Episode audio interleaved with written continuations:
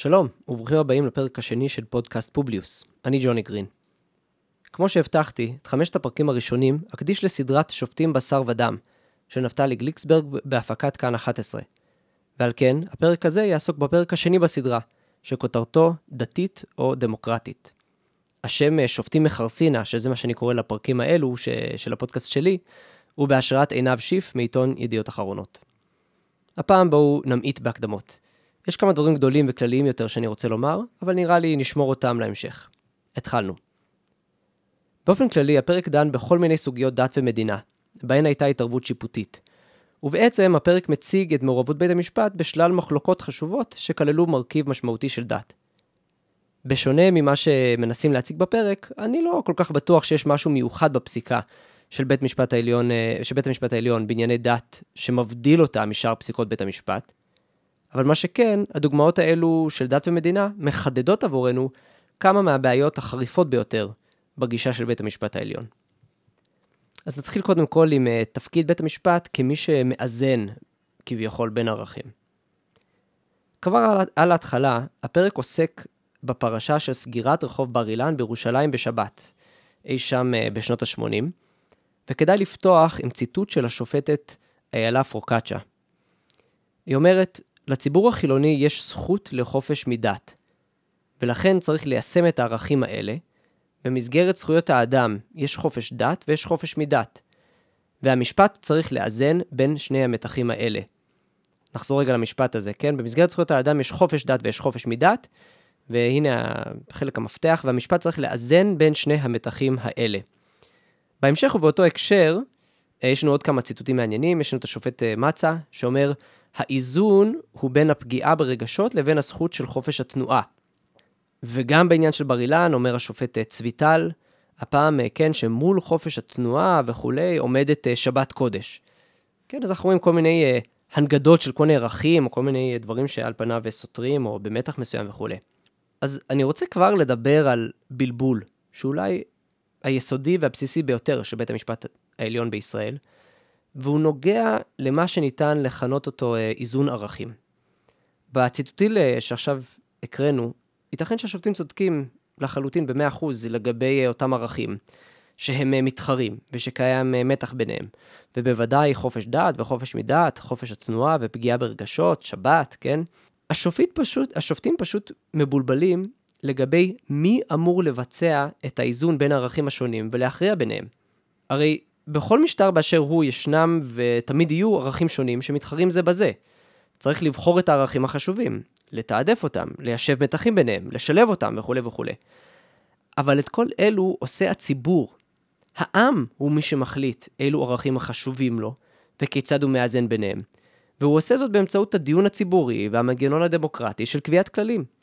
וכאן אנחנו רואים את עומק הבלבול ואת גודל הטעות של שופטי בית המשפט העליון, שמשום מה הם חושבים שזה התפקיד שלהם דווקא לאזן בין הערכים השונים בחברה הישראלית. כן, בואו נחזור שנייה לציטוט האלה, לציטוטים האלה. המשפט צריך לאזן בין שני המתחים האלו.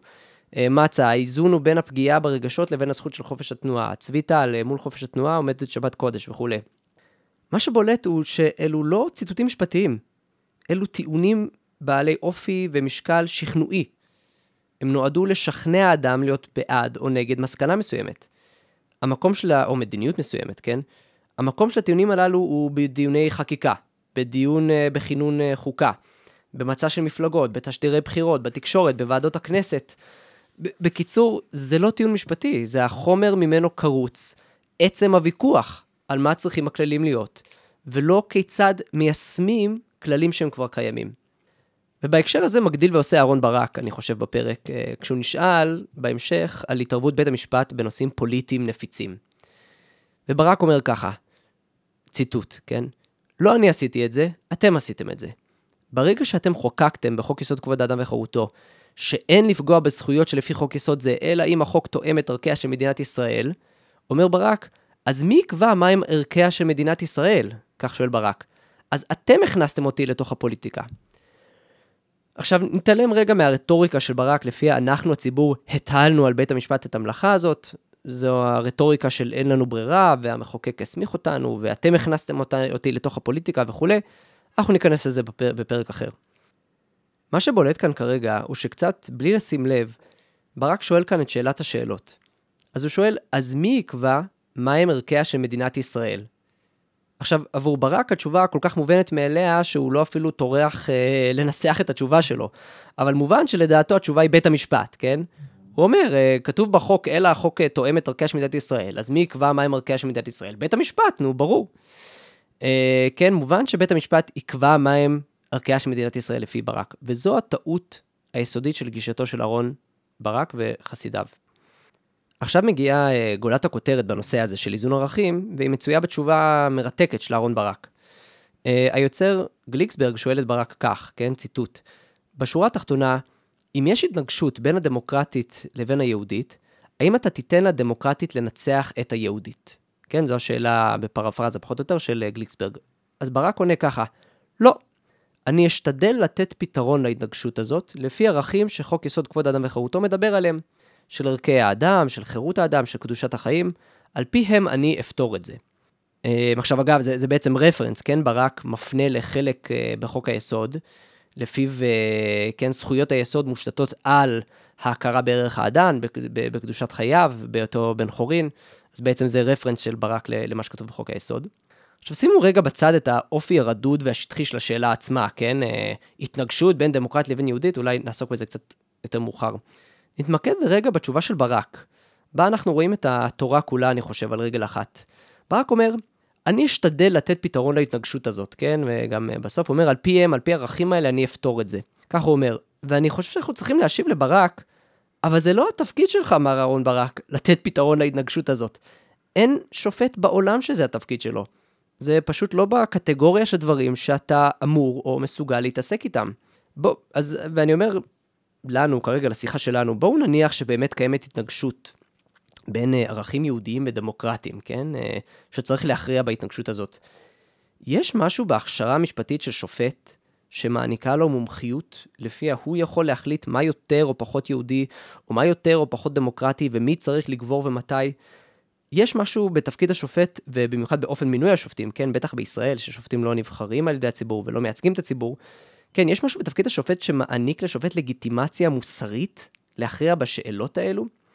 הרי עצם קיום הוויכוח הנצחי הזה, בעצם ההכרעה בו, היא הפררוגטיבה של העם, של הציבור. הם יחליטו כיצד לתעדף ולאזן את הערכים השונים שהם מייחסים להם חשיבות. העם יחליט מה הפתרון הנכון והמתאים להתנגשות, כן, הנטענת כביכול בין היהודית לבין הדמוקרטית. ועל כן אני חושב שיש היבריס עצום בקביעה האגבית הזאת, האוטומטית הזאת שברק, שאומר שהוא יפתור את ההתנגשות הנטענת, המדומיינת הזאת בין יהודית לדמוקרטית. עכשיו, לפני שנתקדם לנושא הבא, אה, נגיד בדרך אגב, התשובה של ברק היא גם מעגלית, והיא מופרכת, מכמה בחינות. קודם כל, ברק אומר שהוא יפתור את ההתנגשות הזאת בין יהודית ודמוקרטית על בסיס חוק יסוד כבוד האדם וחירותו.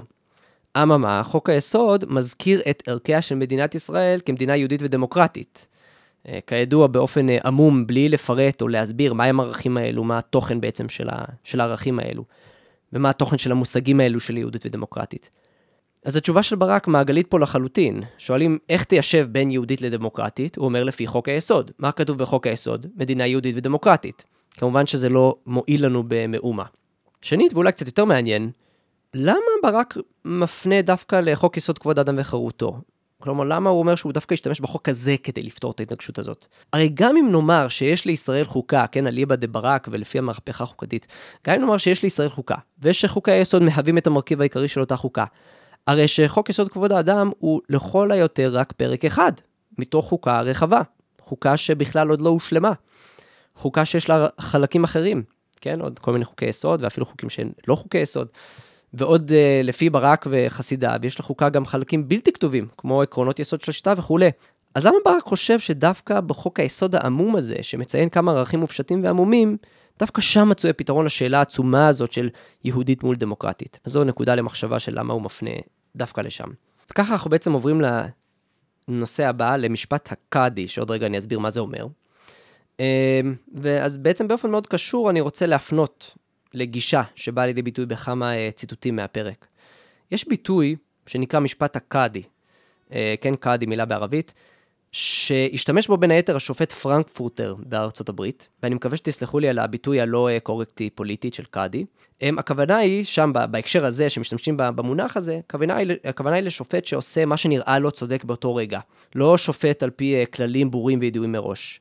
והדימוי הזה הוא של איזה זקן שבט, כן? איזה, איזה אחד הזקנים, כן? שהצדדים אה, מגיעים אליו שיכריע במחלוקת. אה, והוא עושה זאת לא על בסיס אה, הדין, אלא על בסיס תחושת צדק עמומה ביחס לכל מקרה ומקרה. כן, פסק דין, בפסק דין מפורסם של השופט פרנקפורטר, הוא כותב, איננו יושבים תחת עץ כמו קאדי ועושים צדק. אגב, הביטוי קצת לא הוגן כלפי קאדי, כי בעצם בפועל, במציאות, קאדי הוא שופט מוסלמי, שכן שופט לפי חוקי השריעה, אה, ונראה לי שדווקא כן פועל לפי כללים ברורים ומוגדרים. אז נראה לי קצת הביטוי הזה לא עושה חסד עם המציאות של שופטים אה, קאדים. בכל מקרה, הנה כמה דוגמאות, אני חושב, מתוך הפרק שלנו, אה, שמבטאים את הגישה הזאת של משפט הקאדי והשופט כקאדי. השופט צבי טל אומר לנו, בהקשר מסוים, הוא אומר, כשאתה יושב בבג"ץ, אתה לא מבחין בין נכון ולא נכון. אתה מבחין בין ראוי ללא ראוי. וראוי ולא ראוי, שם אתה מביא איתך את כל החינוך שלך, ואת כל השקפות העולם שלך וכולי. אני חושב שלא צריך להרחיב למה מדובר פה ב... במשפט הקאדי, כן? הבחנה בין ראוי ללא ראוי זה לא בדיוק סטנדרט אה, משפטי. אבל אה, היוצר גליקסברג מגיב לשופט טל בשלב הזה, כשהוא אומר את זה, הוא אומר, וזה הציטוט, אתה אומר משהו רדיק, רדיקלי, כן, וממשיך עוד קצת, ואומר, השאלות הנידונות בבג"ץ הן אינן שאלות משפטיות, אלא שאלות ערכיות, זה מה שאומר גליקסברג. אז קודם כל, על זה אני רוצה לומר למר גליקסברג, אה, איך אומרים, כן, no shit שרלוק, כלומר, זו ליבת הביקורת נגד בית המשפט העליון, כן, שהוא מכריע בשאלות ערכיות, שאין להן שום... תשובה משפטית, כן, או שאפילו השאלה היא לכתחילה לא באמת משפטית אלא ערכית. זו בטח לא טענה רדיקלית, זו טענה שכיחה מאוד, שנשמעת אה, בפי המשפטנים הגדולים והדגולים בישראל, כן, כמו אה, משה לנדאו, כמו רותי גביזון, כמו מני מאוטנר, דניאל פרידמן ועוד אה, רבים וטובים, ששואלים בדיוק את השאלה הזאת ואומרים, טוענים בדיוק את הטענה הזאת, אז זה בטח לא אה, רדיקלי. אה, בהקשר אחר בפרק, השופט יצחק זמיר אומר לנו, כל שופט רוצה לעשות משפט צדק. זה כלל שאין לו יוצא מן הכלל. כך אומר אה, אה, יצחק זמיר. ליצחק זמיר צריך לומר, זה לא נכון, כלומר גם כעניין שבעובדה, כעניין אמפירי, יש שופטים, שופטים רבים אפילו, אולי קצת פחות בישראל, אבל אפילו רבים בישראל, כן? שרוצים ליישם את הדין. הם רוצים להיות שליח של הריבון, שקבע את הדין, והם עושים את אה, מיטב יכולתם, אני חושב, להכיל את הדין בכל אה, סכסוך שבא בפניהם. השופטים הללו יכולים גם לפסוק נגד תחושת הצדק שלהם, אם זה מה שדורש הדין. וכל הקונספט של מערכת המשפט ובתי המשפט הוא לא ששופט יהיה קומיסר צדק עם שרביט קסמים והוא מחפש פתרון צודק כביכול לכל בעיה אה, שבאה לפניו, אלא המטרה היא שיש מקום בו ניתן לאכוף את הדין הקיים, וזה מה שעושה בית המשפט. אה, כן, דוגמה אחרונה למשפט הקאדי, אה, כן, בשלב אחר בפרק, לא, ההקשר לא כל כך משנה כרגע, אומר השופט ברק אה, כך, בית המשפט נועד להגן על זכויות האדם, כן, כמובן זה לא קביעה אה, חדשה, אנחנו מכירים מאוד את הקביעה הזאת, גם מפי ברק וגם מפי אחרים, אבל אני חושב שזו באופן כללי, זו דוגמה מאוד אה, אה, מועילה למהו משפט הקאדי. אה, בית המשפט הרי נועד ליישם את הדין, עכשיו, אם הדין כולל זכויות אדם מסוימות שחוקקו או שקיימות בצורות שונות, אז בוודאי שבית המשפט צריך להגן עליהם במסגרת זה שהוא מיישם את הדין. אבל בכל היבט אחר, זכויות אדם הוא פשוט אה, שם נרדף לצדק, לראוי לא ראוי, אה, לערכים אה, שמישהו חושב שהם חשובים, ובעצם למשפט הקאדי, כן? שהשופט מכריע לפי מה שנראה לו, ולא לפי הדין. הוא זונח את הדין כמקור לשיפוט שלו. אז אני מקווה שאתם רואים את הקשר בין משפט הקאדי לבין, אה, גם באופן כללי, מה שדיברנו לפני, לבין המיתוס של איזון ערכים על ידי בית המשפט, כן? כשבית המשפט ניגש למלאכת איזון ערכים אה, באמצעות מונחים ארטילאיים כאלה ואחרים, הוא גם בין היתר, יש שם, יש שם אה, מידה לא מבוטלת של אה, אה, אה, משפט הקאדי. אז אני רוצה לעבור לנושא הבא, אני חושב שעולה בפרק, אה, וזה איזושהי חוסר אה, סבלנות, חוסר סבלנות ש... אה, מאפיין את הפסיקה של אה, בית המשפט, אה, שמביא גם לפגיעה בסיכויים לפשרות ופגיעה דווקא בצד הדמוקרטי של מחלוקות אה, ציבוריות גם בנושאי דת ומדינה. לקראת סוף הפרק, בהקשר של גיוס בחורי ישיבות וביטול חוק טל או חוק הגיוס, אומר השופט צבי טל כך, הוא אומר, לרוב של שישה שופטים לא הייתה סבלנות. כן, זה בהקשר ציטוט קצת יותר רחב, אני פה מחלץ פה איזושהי אמירה מאוד נקודתית, אבל בעצם לאותה, לאותו רוב של שישה שופטים לא הייתה סבלנות. עכשיו, עזבו את ההקשר הספציפי, אני חושב שחוסר סבלנות זה דבר שמאפיין במידה רבה מאוד, כמו שאמרתי, את הפסיקה של בג"ץ במגוון, במגוון אה, נושאים וגם כמובן בסוגיות הדתיות. מה שאנחנו רואים בתופעה הזאת הוא שילוב של חוסר אמון וחוסר אמונה בציבור, שהוא שהציבור ימצא את הפתרונות ואת הפשרות, וזה בא ביחד עם פזיזות כזו, שבית המשפט לא מוכן לסבול לרגע אחד משהו שלא נראה הוגן, או לא מתאים לאותם uh, השופטים שיושבים בדין. והתוצאה בפועל היא שבית המשפט לא מוכן לתת לתהליך הדמוקרטי לפעול באופן טבעי, שלשמו הוא נועד. ולכך יש השלכות uh, חמורות. כן, בית המשפט משחק פה איזשהו תפקיד של דאוס אקס מכינה. אני אסביר את המונח למי שלא מכיר, בתיאטרון היווני, deus ex machina זה כאשר האל מגיע ברגע האחרון ממש, כאשר הכל נראה אבוד, וממש הוא מושיט את ידו מהשמיים ומציל את הגיבור ומציל את כל המצב ויש סוף טוב. אה, בזכות זה שהאל בעצם ירד מהשמיים והציל את, ה- את היום. אה, ובית המשפט לא מוכן שהמציאות החברתית והפוליטית תעשה את שלה, ותתפתח באופן טבעי. והוא תמיד דורש את התוצאה הראויה, כביכול, כן, לדידו, כאן ועכשיו. אנחנו הולכים להמחיש את זה כאן אה, בכמה מהאמירות של שופטים וכמה מהדברים ובפסיקה ב, שנזכרת בפרק. רגע לפני אבל שנמשיך לפסקי הדין שמדברים עליהם בפרק, ולציטוטי השופטים, אני רוצה להביא דווקא ציטוט אחר, שאני רוצה שיהיה לכם ברקע של כל הדיון הזה. אני רוצה להביא לכם את הלורד ג'ונת'ן סמפשן. לורד ג'ונת'ן סמפשן, כן, הוא שופט, היה שופט בבית המשפט העליון הבריטי, הוא פרש ממש לא מזמן. אה, עוד פעם, בית המשפט העליון הבריטי, כן, לא איזה רפובליקת בננות בכל זאת. אה, והשופט הזה נשא לאחרונה סדרת נאומים, תחת הכותרת האימפריה המתרחבת של המשפט. אה, אני מת עליו, אני חושב שצריך להקשיב לכל הנאומים האלה, אני כתבתי איזשהו אה, תרגום קצר ש, אה, של כמה קטעים נבחרים שאפשר למצוא באתר שלי, עכשיו אני אביא כמה ציטוטים ממש נקודתיים.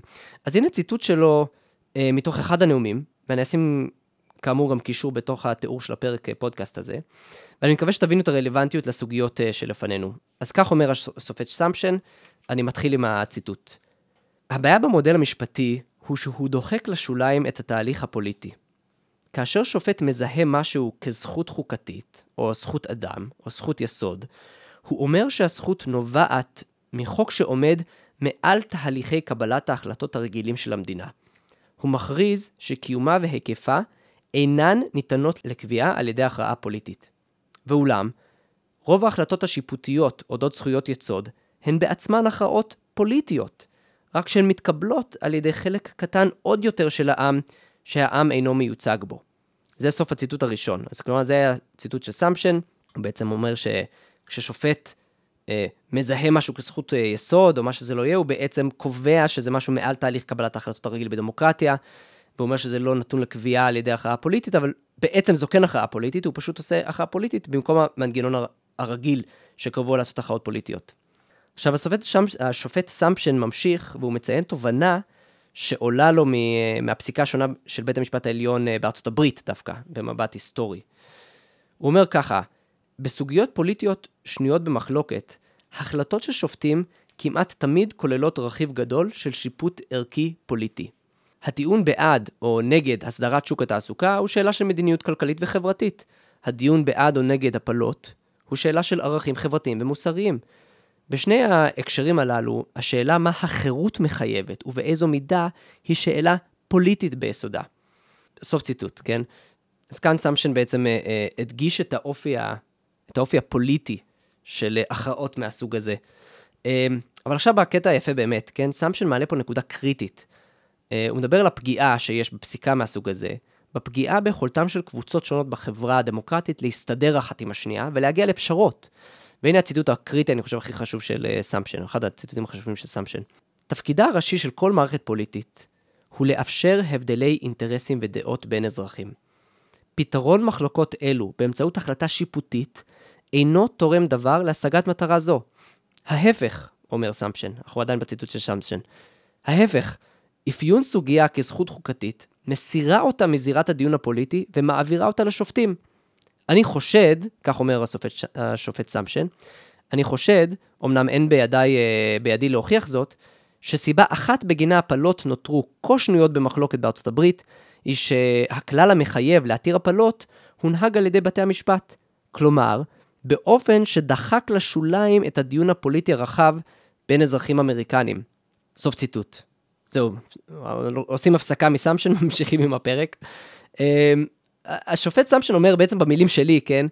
כשבית המשפט מכריע במחלוקות ציבוריות, פוליטיות, ערכיות, הוא לא רק עוקף את התהליך הפוליטי, אלא הוא מונע את האפשרות של הגעה לפשרה מוסכמת בין הצדדים השונים, והוא חותר תחת הלגיטימציה של ההחלטה עצמה. אז סיימנו את האתנחתא הזאת לרגע, בואו נחזור לפרק, כן? הפרק מביא לנו סדרה של פרשיות ופסקי דין, בואו נבחן אותם, בואו נסתכל עליהם קצת, נצלול לעומק. הפרק מציג לנו בין היתר את אה, בג"ץ המועצות הדתיות. כן, זה מקרה בו אה, בעצם יש סירוב למנות למועצות הדתיות אה, נציגים של הקהילה הרפורמית והקונסרבטיבית למועצה הדתית. וכמובן, מבחינת איך שזה מוצג בפרק, מצד אחד יש את הדתיים המרושעים, מנגד יש את בית המשפט שמציל את המצב וכולי, דאוס אקס מכינה, אמרנו. בין היתר, זו דוגמה מצוינת להראות למה הנושא של דתיים וחילונים הוא לעיתים מסך עשן, והוא נועד להסיט את תשומת הלב מכך שבית המשפט פשוט מצפצף על החוק, ועושה מה שבא לו, ואין שום קשר לסוגיות של דתיים וחילונים. אמ, בפרק, הפרק עצמו, הפרק בסדרה, לא מפרט יותר מדי לגבי הניואנסים המשפטיים, והמקרה מוצג כאילו אה, בית המשפט פשוט אוכף את הדין. כן, יש חוק, והוא פשוט אה, מאלץ את, ה, את החבר'ה לייצים, כן, אה, אה, לנהוג אה, לפי מה שהחוק אומר. ובהקשר הזה, אפילו כן, יצחק אה, זמיר, השופט יצחק זמיר, פונה למישהו, לא יודע למי הוא פונה, אני מניח אולי הדתיים או משהו כזה, והוא אומר, אתם כפופים לחוק, וזה חוק חילוני, ובית המשפט אין לו ברירה וכולי, ככה אומר אה, יצחק זמיר, עוד פעם, אתם, הוא אומר, אתם כפופים לחוק וזה חוק חילוני, ובית המשפט אין לו ברירה אלא ליישם את החוק, בלה בלה בלה. הבעיה שזה לא באמת מה שקרה, וזה דווקא נורא מועיל להסתכל רגע על, מה, על הפרטים האמיתיים של, של, של הפרשייה הזאת. במרכז המחלוקת אה, יש כאן חוק, חוק שירותי הדת היהודיים. בחוק הזה יש מנגנון מאוד ברור של איך ממנים חברים למועצה הדתית. יש במועצה נציגים של השר, ושל הרשות המקומית, ושל הרבנות. ובמקרה הזה, המדובר, הנידון, אה, הרשות המקומית באמת הציעה למנות נציגים אה, כאמור, שלא היו מהזרם האורתודוקסי, אלא מהרפורמי והקונסרבטיבי, והרשויות האחרות, השר והרבנות התאגדו. אממה, מה הבעיה? החוק, אותו חוק מדובר, גם קובע בדיוק מה קורה כשיש מחלוקת בין הרשויות השונות שממנות נציגים.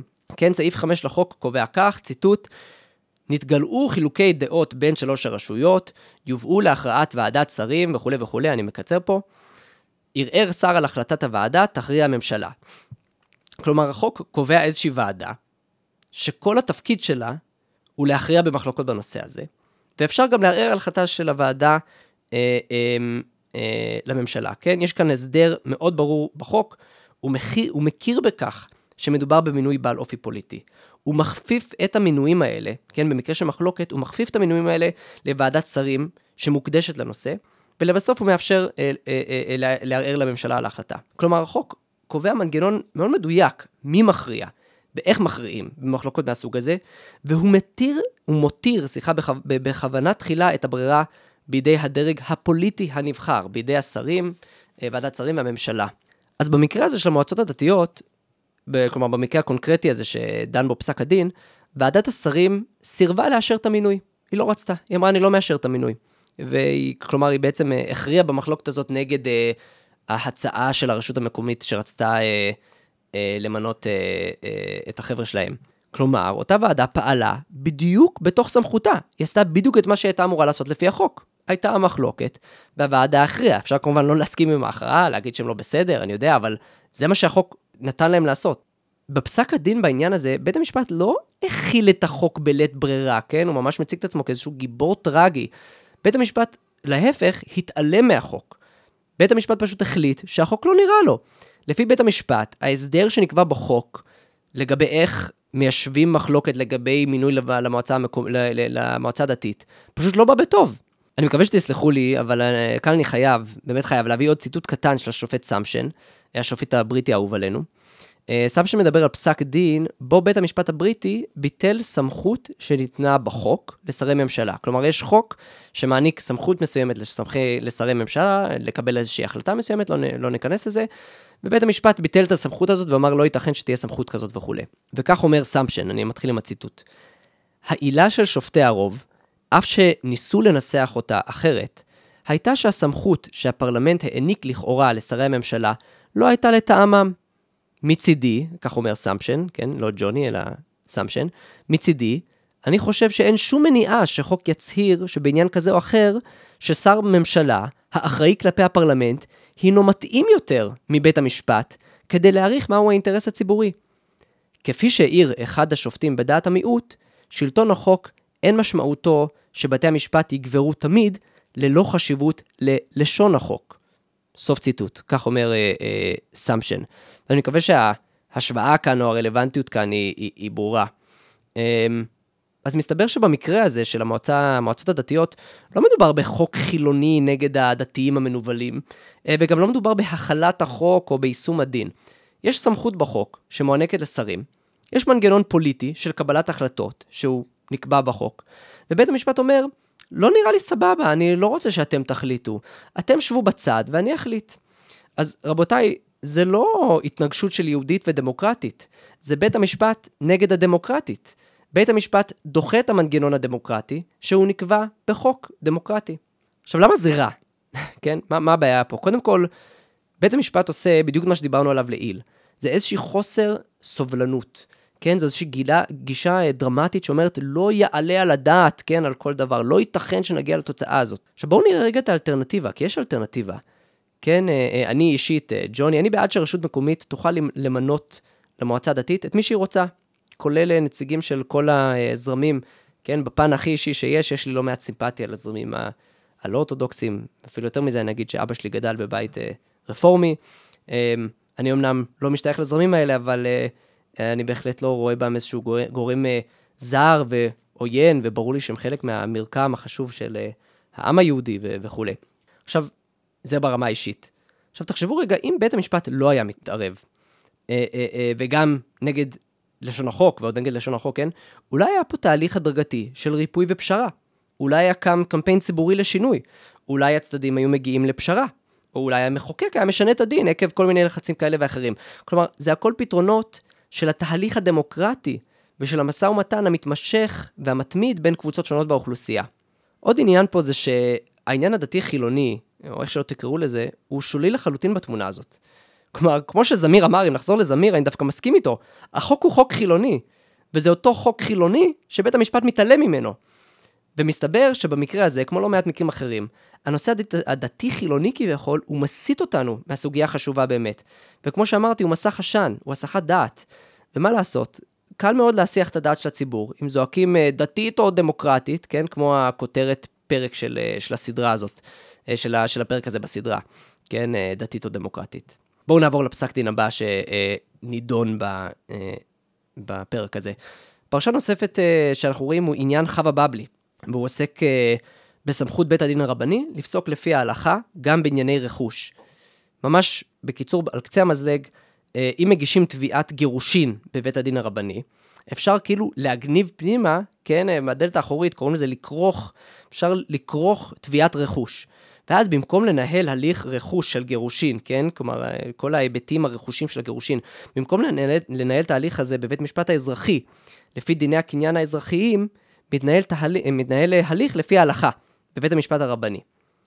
אז בית המשפט העליון פסק שאסור לבתי הדין הרבניים לעשות זאת, ושבתביעת הרכוש, כלומר בצד הרכושי של תביעת הגירושין, בית המשפט הרבני חייב, בית הדין הרבני אה, אה, אה, חייב להכריע לפי הדין האזרחי, ולא לפי ההלכה. ועד היום בתי הדין מצפצפים על הפסיקה הזאת, אבל זה עניין שנחזור אליו אה, עוד מעט. עכשיו, בהקשר הדיון הזה, בהקשר העניין הזה, יש פנינה יפהפייה של אהרן ברק. Uh, הוא מסביר לנו שבבית הדין הרבני אפשר לקרוא תביעת רכוש לתביעת גירושין, כן? כמו שאמרנו, כמו שהרגע הסברתי. והוא מוסיף שזה על פי הדין הקיים, שצריך לשנות אותו, אבל זה הדין. עוד פעם, זה המשפט המפתח של ברק. ככה הדין הקיים, אבל צריך לשנות אותו, אבל זה הדין. אמנם צריך לשנות אותו, אבל זה הדין, מה נעשה? עכשיו אני אשאל אתכם שאלה. נניח שכולנו מסכימים רגע שהדין הוא רע ושצריך לשנות אותו. ואני נוטה גם לשם. נניח שכולנו מסכימים ככה. כשבית המשפט פסק שבית הדין הרבני לא יכול לפסוק לפי ההלכה בתביעת רכוש, האם לדעתכם, המאזינים היקרים, האם לדעתכם בית המשפט קידם או עיכב את שינוי הדין המיוחל? לאור מה, כל מה שאמרנו לעיל.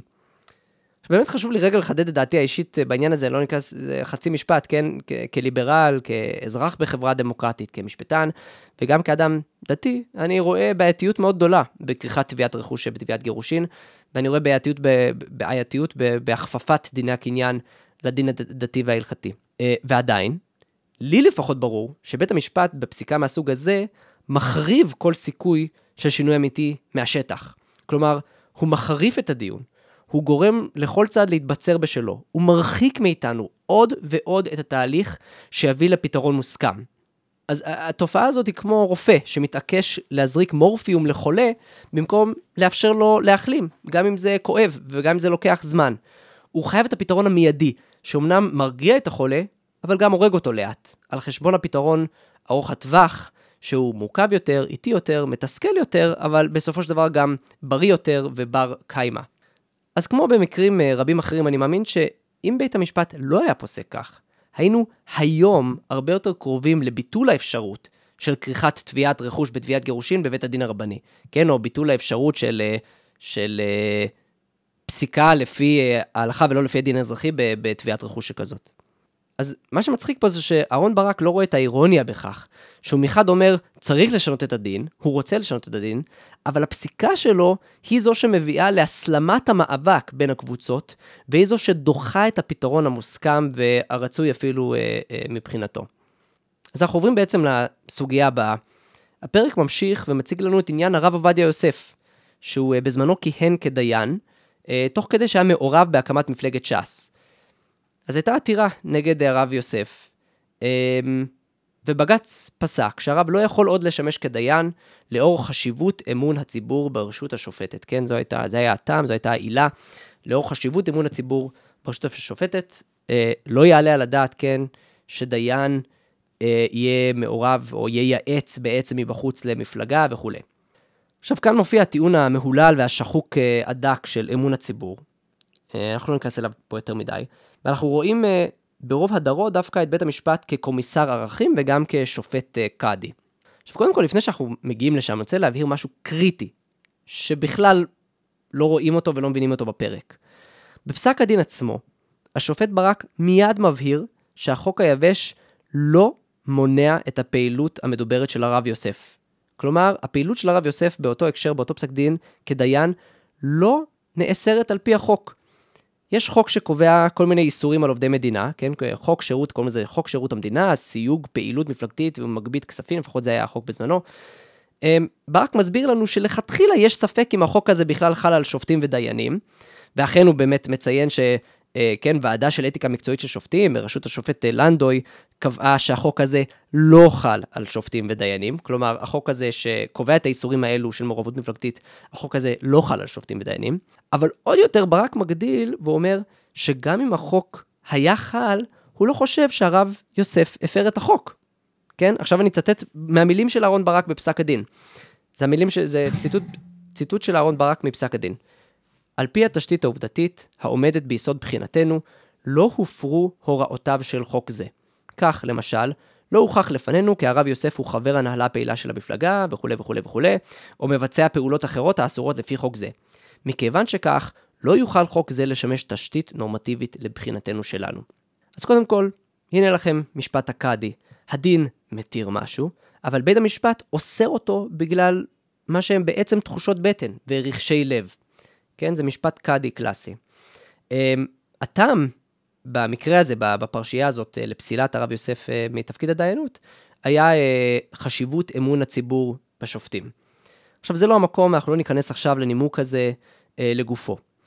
מה שכן, אם אנחנו חוזרים לרעיון הזה לש, של שופט כקומיסר ערכים, שימו לב שגם זה הרי לא טיעון משפטי, זה טיעון מסדר של שכנוע.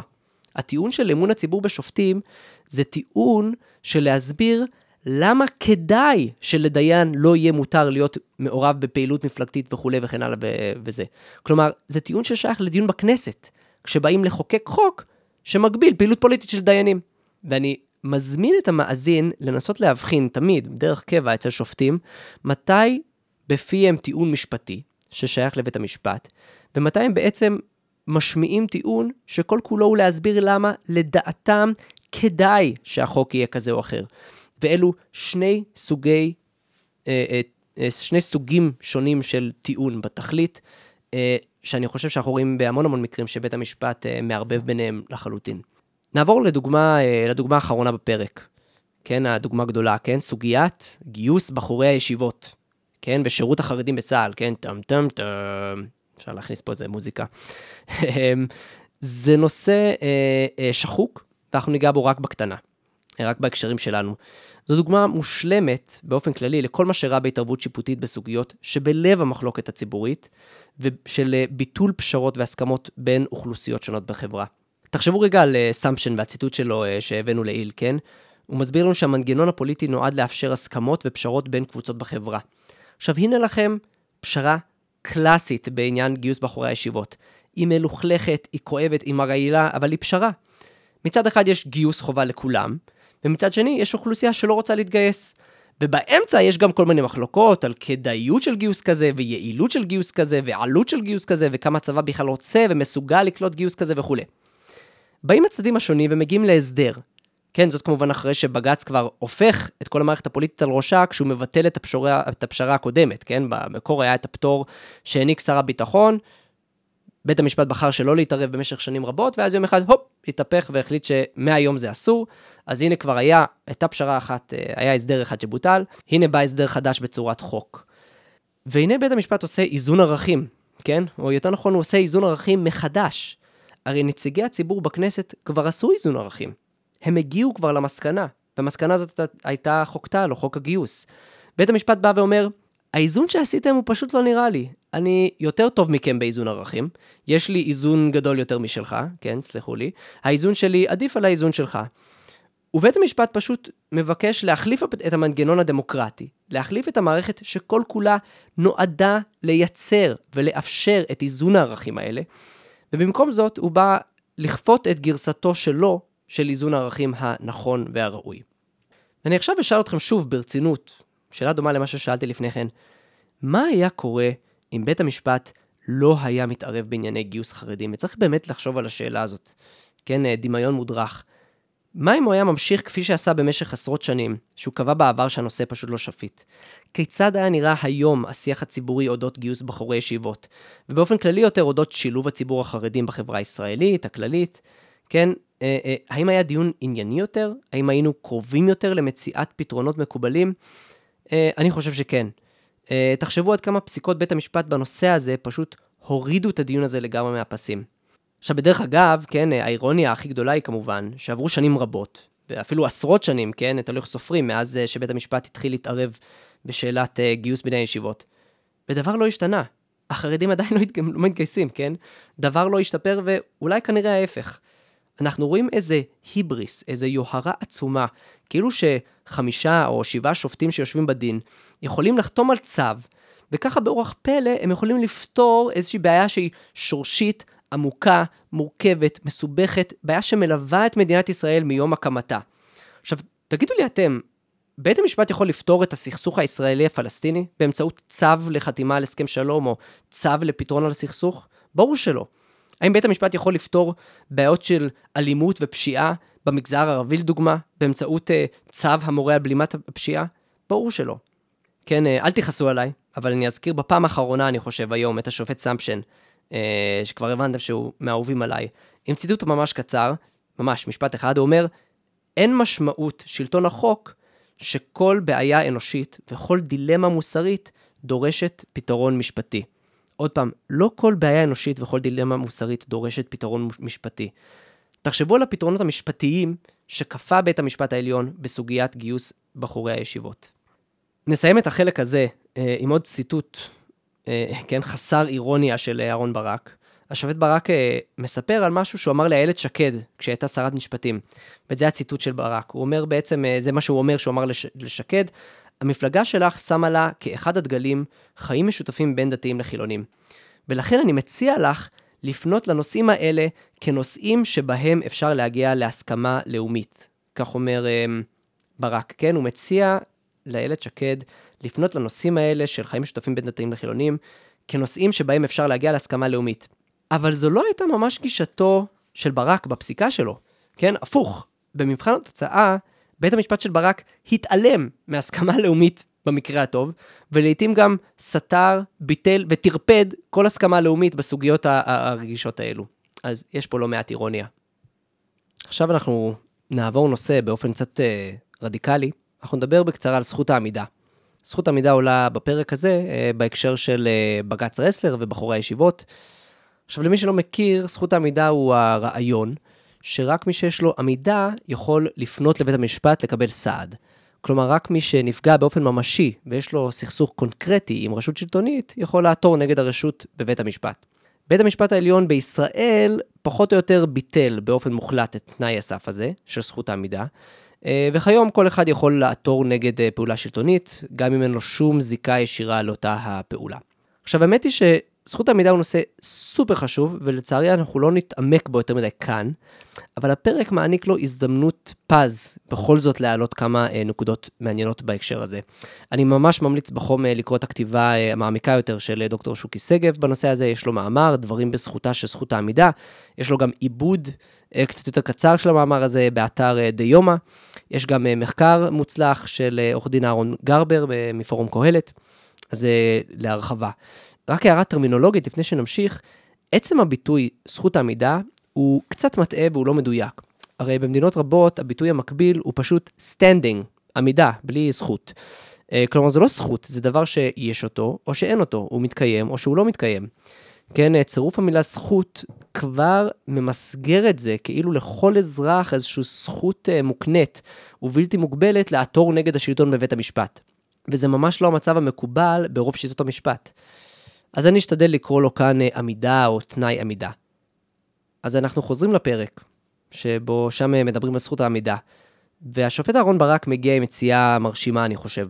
הוא אומר, הטענה נגד זכות העמידה היא שבית המשפט מגן על עצמו.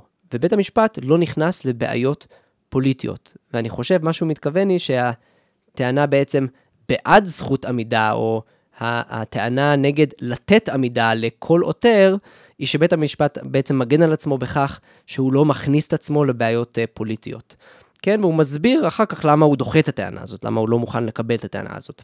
אלא שעל כך, אה, אני חושב, אומרים במחוזותינו, כן, בישראל, אה, הפוך גוטה הפוך. ולמה הפוך? תנאי העמידה הוא לא מנגנון להגן על בית המשפט, כן? שלא יוצף בתביעות או שלא ייכנס לבעיות פוליטיות. בדיוק ההפך. תנאי העמידה נועד להגן על הציבור מפני רודנות בית המשפט. העמידה הוא מגבלה מוסדית על הכוח העצום שיש לבתי משפט על פני הרשויות האחרות. עכשיו תבינו, מלבד למעגל אה, קטן וקצת פרנואידי, אף אחד לא חוש... דואג לבית המשפט, כן? אף אחד לא אה, אה, חושב שבית המשפט נתון באיזושהי סכנה וצריך להגן עליו, כן? שלא ייכנס לבעיות פוליטיות, אני יודע.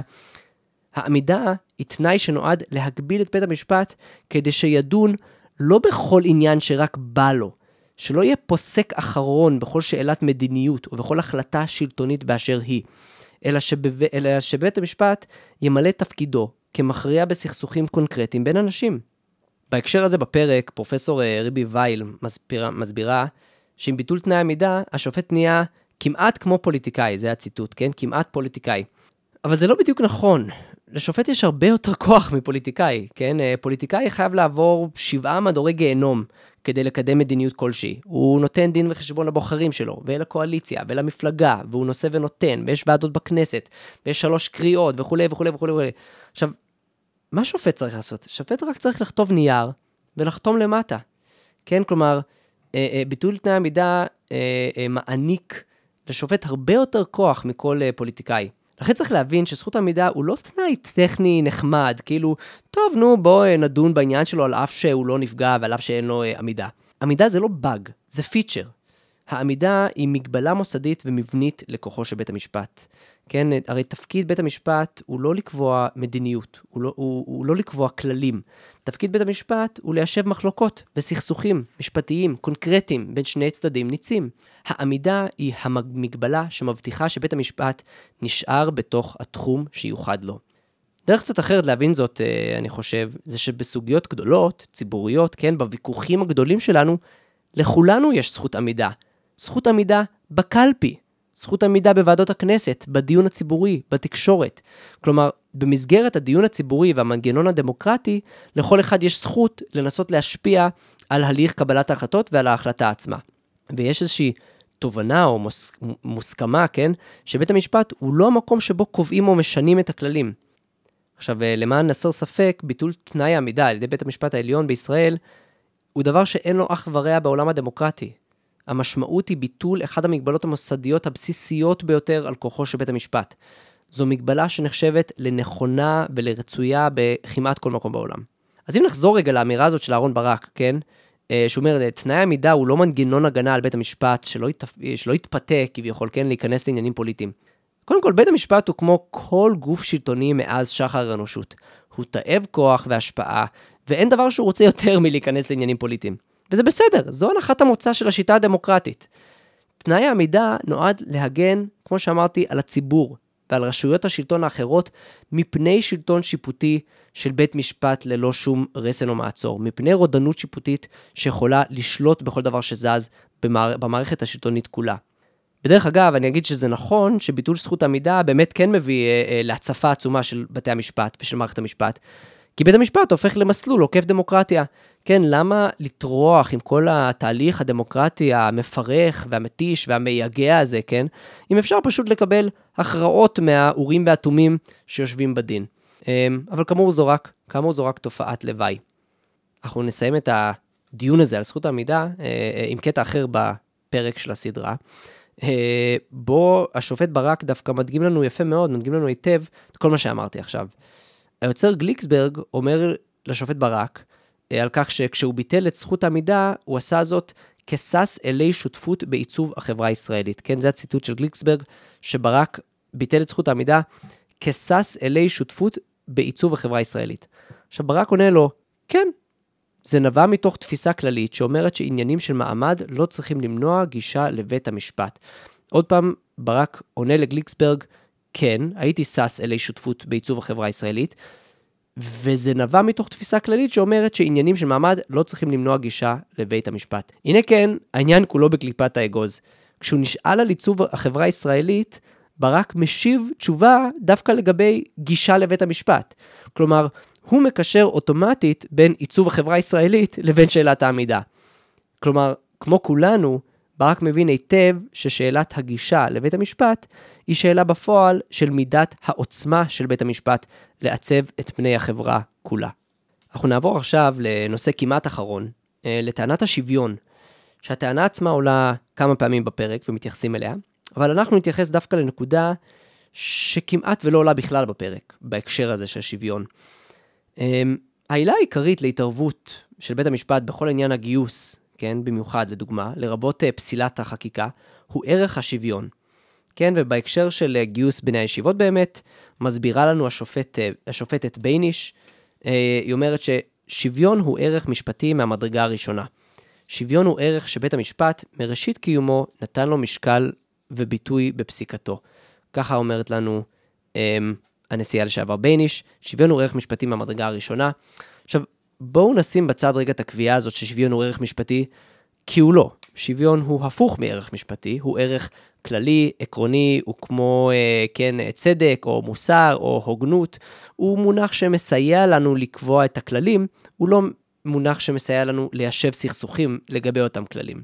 כלומר, הוא כל כך כללי ואמורפי שהוא דווקא ממש לא ערך משפטי. אבל נחזור לזה. אמ, הרבה יותר חשוב הוא העניין הבא.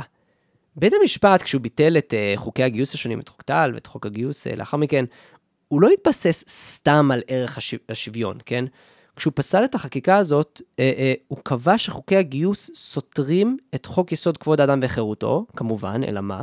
Uh, תמיד, חוק יסוד כבוד האדם וחירותו, שהרי השוויון מוגן משום שכבוד האדם כולל בתוכו את הזכות לשוויון. כלומר, הזכות לשוויון לא כתובה אה, אה, אה, בחוק היסוד, אה, יש שם רק את הזכות, בין היתר, יש את הזכות אה, אה, לכבוד, אבל הזכות לכבוד כולל גם את הזכות לשוויון. עכשיו, צריך לסבר פה את האוזן, שתבינו את הרקע, אני מניח שזה דבר שרבים מכם כבר יודעים. הזכות לשוויון לא הוכנסה לחוק יסוד כבוד אדם וחירותו בכוונה תחילה. לא רק זאת, אה, אה, הוצאת הזכות לשוויון מאותו חוק היה תנאי לחיקוקו. כן, אה, לא רק זאת, אלא תוסיפו עוד יותר, הסיבה העיקרית שלא הסכימו לכלול זכות לשוויון בחוק היסוד, הייתה החשש של החרדים, בין היתר, כן, לא רק החרדים, אבל גם החרדים, שבית המשפט יכיל את השוויון בפסיקה בענייני דת ומדינה, ובמיוחד בענייני גיוס. אז עוד פעם שתבינו, לא הכניסו בכוונה תחילה את הזכות לשוויון לחוק היסוד. זה היה במודעות, זה היה תנאי לזה שהחוק בכלל נחקק, ולא רק שלא עשו את זה, אלא עשו את זה דווקא בגלל שחששו שבית המשפט ישתמש בזכות השוויון אה, אה, אה, כעילה להתערבות בכל ענייני, ענייני דת ומדינה, ובמיוחד בענייני גיוס. עכשיו, זה דבר שאין עליו חולק, כן? כולם מודים בזה ומבינים בזה, אני לא חושב שיש מישהו בכלל שחולק על הטענה הזאת. ועל זה מישהו כבר אמר, כן, שעם הזכות לשוויון, בית המשפט מכניס מהחלון מה שהמחוקק הוציא מהדלת הראשית. ובית המשפט בא ומבטל חקיקה ראשית של הכנסת. הוא עושה זאת על בסיס פרשנות מרחיבה לזכות. לכבוד. לזכות לכבוד, כך שאותה זכות כוללת בתוכה גם את הזכות לשוויון. בית המשפט עושה בדיוק את הדבר שבגללו סירבו להכניס לכתחילה את הזכות לשוויון לתוך חוק היסוד. עכשיו, זו נקודה שבכלל לא מתייחסים אליה בפרק, כן? ואני חושב שחבל. כלומר, אם כבר יתחילו לדבר על שוויון ולזרוק כל מיני מונחים, מונחים לאוויר, אז בואו תיתנו גם את היחס ל... אני חושב, אחד, מה, אחד המאפיינים הכי שנויים במחלוקת בפסיקה הזאת של בית המשפט, גם אנשים שנחשבים בדרך כלל אקטיביסטים או תומכי אה, התערבות יתר של בית המשפט, גם הם, אה, אני, גם רבים מאלו, אה, מתייחסים בחשדנות רבה לקביעה הזאת אה, לגבי שוויון, שהוצאה לכתחילה מחוקי היסוד. אה, אז הייתה פה הזדמנות קצת מפוספסת לדעתי בפרק. יש פה עוד נקודה אחרונה בעניין הזה של השוויון, וכאמור, אנחנו לא פותחים פה דיון רחב על שוויון, כן? השוויון בא לידי ביטוי בהמון צורות ובהמון מובנים. לדוגמה, מה עם השוויון בקלפי? כן? המובן הבסיסי ביותר של שוויון בדמוקרטיה הוא שלכל אדם יש משקל שווה בהכרעות הפוליטיות של המדינה. שהפתק שלי בקלפי שווה בדיוק כמו הפתק שלך ושל כל אחד אחר בקלפי, כן? אה, אה, והנה הולכים לבחירות, מצביעים, ממנים נציגים בכנסת, ואותם נציגים מקיימים משא ומתן ומגיעים לפשרות, אה, לרבות סוגיית גיוס בני הישיבות. כלומר, זה גם שוויון, כן? השוויון בין האזרחים שמצביעים בבחירות, הוא בא לידי, לידי ביטוי בין היתר בכך שהנציגים שלהם, של אותם אזרחים, מגבשים יחד מדיניות, ובין היתר מגיעים לפשרות בכל מיני מחלוקות ציבוריות. ציבוריות, כלומר, זה, זה גם שוויון, כן? כלומר, זה, זה, זה גם חלק מהערך של שוויון.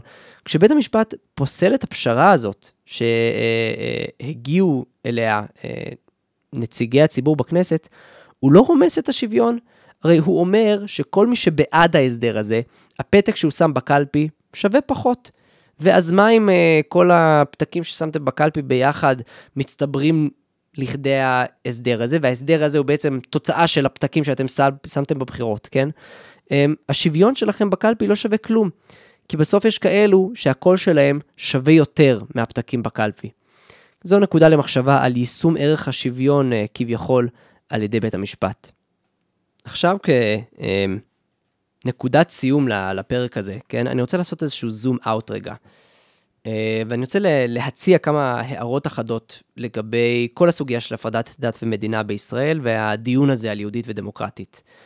אה, וזה דיון, אני כבר אומר, קצת יותר ברומו של עולם. הפרק הזה, כן, של אה, שופטים בשר ודם, הפרק שנקרא דתית או דמוקרטית, יש אה, בעיה בפרק הזה שקצת קשה לשים עליה את האצבע. וזה לא כי הבעיה היא נסתרת או חבויה, אלא הפוך, זה כי היא באה לידי ביטוי בכמעט כל משפט שנאמר בפרק הזה. אה, ואפילו יותר מהפרק הזה, מדובר בבעיה שמאפיינת, אני חושב, לא מעט מהשיח המשפטי אה, והכללי יותר בנושא הזה. ולכן אני חושב שאנחנו נסתפק בכמה הערות כלליות ורוחביות יותר, וזה על רקע כל מה שאמרנו בינתיים בפרק.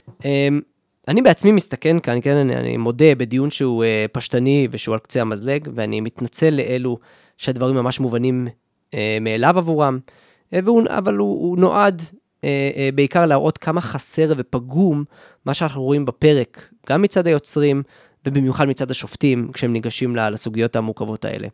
אה, וכמובן זה נכון גם לגבי לא מעט מהפסיקה עצמה של בית המשפט בנושאים הללו. הנושא של יהודות וד... יהודית ודמוקרטית זו דוגמה נהדרת, גם לדלות השיח והטרמינולוגיה השיפוטית בנושא שאמור להיות הכי מרכזי שיש אה, אה, אה, בדיון של ערכים בישראל, וזו גם דוגמה אה, אה, לנושא שמעולם לא התאים להכרעה שיפוטית. כלומר, הנושא של יהודית ודמוקרטית אה, אה, הוא כזה שלא מעניק שום כלים משפטיים שמסייעים לנו או לשופטים להכריע במחלוקות הללו.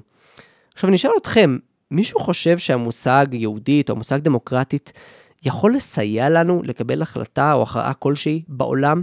עזבו רגע שופטים ובית משפט, כן? אלו מונחים ברמת הפשטה כל כך גבוהה, שמאבדים כל משמעות ריאלית או קונקרטית. ואם הייתי אומר שמדינת ישראל צריכה להיות uh, טובה וצודקת, זה אומר משהו? זה מקדם אותנו? Uh, זה מועיל בהכרעה כלשהי בעולם, בעולם ש, שנוגעת לקביעת מדיניות? ברור שלא. אז בואו נתעכב רגע על הפרדת דת, דת ומדינה, ואז נפנה למונח הזה של יהודית, uh, מתוך הצמד הידוע לנו. קודם כל, אני רוצה להעיר שעצם המונח הפרדת דת ומדינה הוא מטעה בעברית, משום שהביטוי המקורי הוא separation of church and state, ולא religion and state. כלומר, הכוונה היא לממסד הדתי, כן? כנסייה ומדינה, לא דת ומדינה, כן? והכוונה היא להפרדה בין הכוח השלטוני לבין הממסד הדתי הפורמלי. עכשיו, זה חשוב בגלל שאין מדינה דמוקרטית או חופשית בעולם שמפרידה בין המדינה לבין הדת באופן מוחלט, ושמקיימת מדינה חילונית טהורה שנטולת זהות דתית כלשהו, כלשהי. תחשבו על זה ככה, רוב האנושות, לאורך רוב ההיסטוריה, הייתה והינה דתית במידה כזו או אחרת, כן? גם כיום יש רוב מכובד לאנשים דתיים, כן, שוב, בהגדרה מאוד רחבה, רחבה של מה זה דתיים, בכל המדינות הדמוקרטיות. זו עובדה סטטיסטית. כשמדובר בחברה חופשית, אין פלא שהזהות הדתית הזאת באה לידי ביטוי באין ספור דרכים, גם בממסד עצמו. כן, קחו לדוגמה, סתם דוגמה טריוויאלית, כן, את רוב מדינות אירופה, שבכמעט כולם יש רוב נוצרי מובהק. יש מדינה שלא חוגגת את חג המולד, שהוא חג נוצרי מובהק, לא רק ברמה העממית, כן, של קהילות, משפחות, אלא ברמה, ברמה המדינתית והמוסדית. כן, ימי חופש וזכויות עבודה וחג לאומי וסגירת אה, מוסדות וסגירת השוק וכולי וכולי. כן, אה, מטבע הדברים לכמה מדינות יש אה, צלב בדגל שלהם, או צלב שהוא משולב בסמלים הלאומיים שלהם. אז שיהיה ברור, במדינות רבות יש קשר עמוק ועשיר בין הדת לבין המדינה. אה, ברבים מהמדינות האלה יש אה, תפקידי כמורה ממלכתיים, ויש אה, סמלים וחוקים שהם בעלי אופי או מקור דתי, כן? מישהו חושב שאיטליה היא לא מדינה קתולית מכמעט כל מבחינה אפשריט? ונביא לכם דוגמה עוד יותר טובה, כן? קחו את אנגליה. אנגליה היא אם הדמוקרטיה הפרלמנטרית, כן? אפשר, יש שיגידו אם הליברליזם הקלאסי. שמה ראש המדינה, מלכת אנגליה, היא גם ראש הכנסייה האנגליקנית, כן? הכנסייה הידועה גם כ-The Church of England. ולמען הסר ספק, הכנסייה האנגליקנית, המוסד הזה, היא הכנסייה הרשמית של המדינה שנקראת אנגליה, כן? היא ה-State Church, ה-Official State Church. Um, כן, בהערת אגב, לא, לא למותר לציין שהמשטרים היחידים שכן הנהיגו הפרדה באמת מוחלטת בין דת למדינה, והמשטרים ששאפו למדינה מוסדית חילונית באופן טהור, הם משטרים טוטליטריים, דכאניים ואלימים, כמו כמובן רוסיה הקומוניסטית והחקייניות שלה. וכל זאת אה, כדי להבהיר וללמדנו, כן, שהסלוגן הזה, הסיסמה הזו של הפרדת דת ומדינה, אה, אה, אה, הוא לא מכתיב לנו ולא מספק לנו שום מסקנות חד משמעיות לגבי מחלוקות בעולם האמיתי, כמו סגירת רחוב בר אילן בשבת, כן? ושיש מגוון עצום של מודלים ושל גרסאות כיצד ליישם את העיקרון החשוב הזה. עכשיו בואו נעבור ליהודית, כן? דיברנו קצת על הפרדת דת ומדינה. מה לגבי הפרדת דת ולאום? כן? בהקשר היהודי זו הבחנה כמעט בלתי אפשרית, והיא בדרך כלל מלאכותית לחלוטין. כאילו שיש דת יהודית ולאום יהודי, וניתן בקלות להפריד ביניהם ולזהות מה שייך לאן וכולי. עכשיו, העם היהודי לא לבד במצב הזה שאין את ההפרדה הזאת, כן? יש כמה קבוצות בעולם, אה, אה, בהן הדת והלאום שזורים יחד ובלתי ניתנים להפרדה. נסתכל רק על השכונה שלנו, כן? על השכנים שלנו. תחשבו על היזידים, כן? שמענו עליהם לא מעט בחדשות בשנים האחרונות. הארמנים, הכורדים, הדרוזים, כן? במידה מסוימת היוונים והכנסייה היוונית אורתודוקסית. וכמובן גם היהודים. מישהו חושב שניתן להפריד בין הלאום הדרוזי או הכורדי לבין הדת הדרוזית או הכורדית? כל ניסיון כזה יהיה מופרך ומלאכותי לחלוטין. עכשיו, בהקשר היהודי, תנו לי לשאול אתכם ככה, ואני באמת רוצה שתחשבו על זה קצת, כן? קידוש בליל שבת, בשישי בערב, כן? קידוש, כן? בורא פרי הגפן וכולי. הוא טקס דתי או לאומי? אני פעם חשבתי שברור שזה טקס דתי, כן? יש פה איזושהי פולחן, מברכים, מקדשים, או מצטטים חלקים מהתנ"ך, בכלל אה, אה, אה, מדברים על בריאת העולם, כן? אה, וכל זה, וכמובן על קיומו של אלוהים וכולי. And yet, אה, יש לא מעט שתיקנו אותי, שהם אנשים אה, אתאיסטים לחלוטין, ומקיימים את הטקס הזה, והם לא רואים בו שום דבר דתי, ומבחינתם הוא טקס אה, לאומי לכל דבר ועניין. קחו דוגמה עוד עוד יותר קלה, כן? אה, ליל הסדר, בפסח, הוא מנהג דתי או לאומי, כן? מנהג שכמעט כל משפחה בישראל עושה אותו, לרבות אנשים שאין להם מבחינתם שום קשר או זיקה לדת, ולא היו בחיים מגדירים את עצמם כאנשים עם כל זיקה דתית. עכשיו בואו נעבור למדינה, כן? לא רק במה אנשים עושים. Uh, סמל המדינה שלנו, של מדינת ישראל, היא מנורת הקנים. כן, מנורת הקנים זה סמל אה, דתי או לאומי? כן, זה, אני שואל, זה קצת אמור, אמור להיות שאלה טריוויאלית, כן? זה כלי קדושה שהוא שימש את כהני הדת בבית המקדש. זה אמור להיות שאין סמל אה, אה, אה, דתי יותר. ועוד יותר, כן, אפשר לשאול, כן, מאחר וסמל המדינה נקבע בחוק, ועל פניו הוא מקובל על רוב גדול של אזרחי ישראל כסמל של מדינת ישראל, יש משהו לא דמוקרטי בכך שהמנורה הוא סמל המדינה? כלומר, עזבו שנייה את ההבחנה בין אה, אה, דתית אה, ללאומית או, ושאלות כאלה. אה, יש פה אפילו ממד דמוקרטי מובהק, שכן, אה, אה, המנורה היא הסמל של המדינה של היהודים. אה, לקינוח בואו נלך עוד יותר רחוק ונאתגר את עצמנו עוד קצת. אה, חוק חג המצות, כן, שהוא המון פעמים מכירים אותו כחוק החמץ, כן? חוק, החוק שאוסר על מכירת חמץ בפומבי בפסח. אמ, זה חוק דתי או לאומי? כן? אני לא חושב שהתשובה היא כל כך טריוויאלית וברורה אה, לאור הנטייה של המון המון אנשים בישראל אה, אה, שלא לרצות חמץ, או לפחות שרוצים את, ה, את האיסור הזה, אבל בכל מקרה, עכשיו נקשה עוד יותר, מאחר והוא חוק, כן, החוק הזה עבר בכנסת בשלוש קריאות, בהצבעה של נציגי העם שנבחרו בבחירות. הוא מתנגש עם הדמוקרטי, או שדווקא הוא גם יהודי וגם דמוקרטי. עכשיו, שיהיה ברור, אני לא רוצה שהעניין החוק, חוק, אה, חג המצות יהיה הסחת דעת.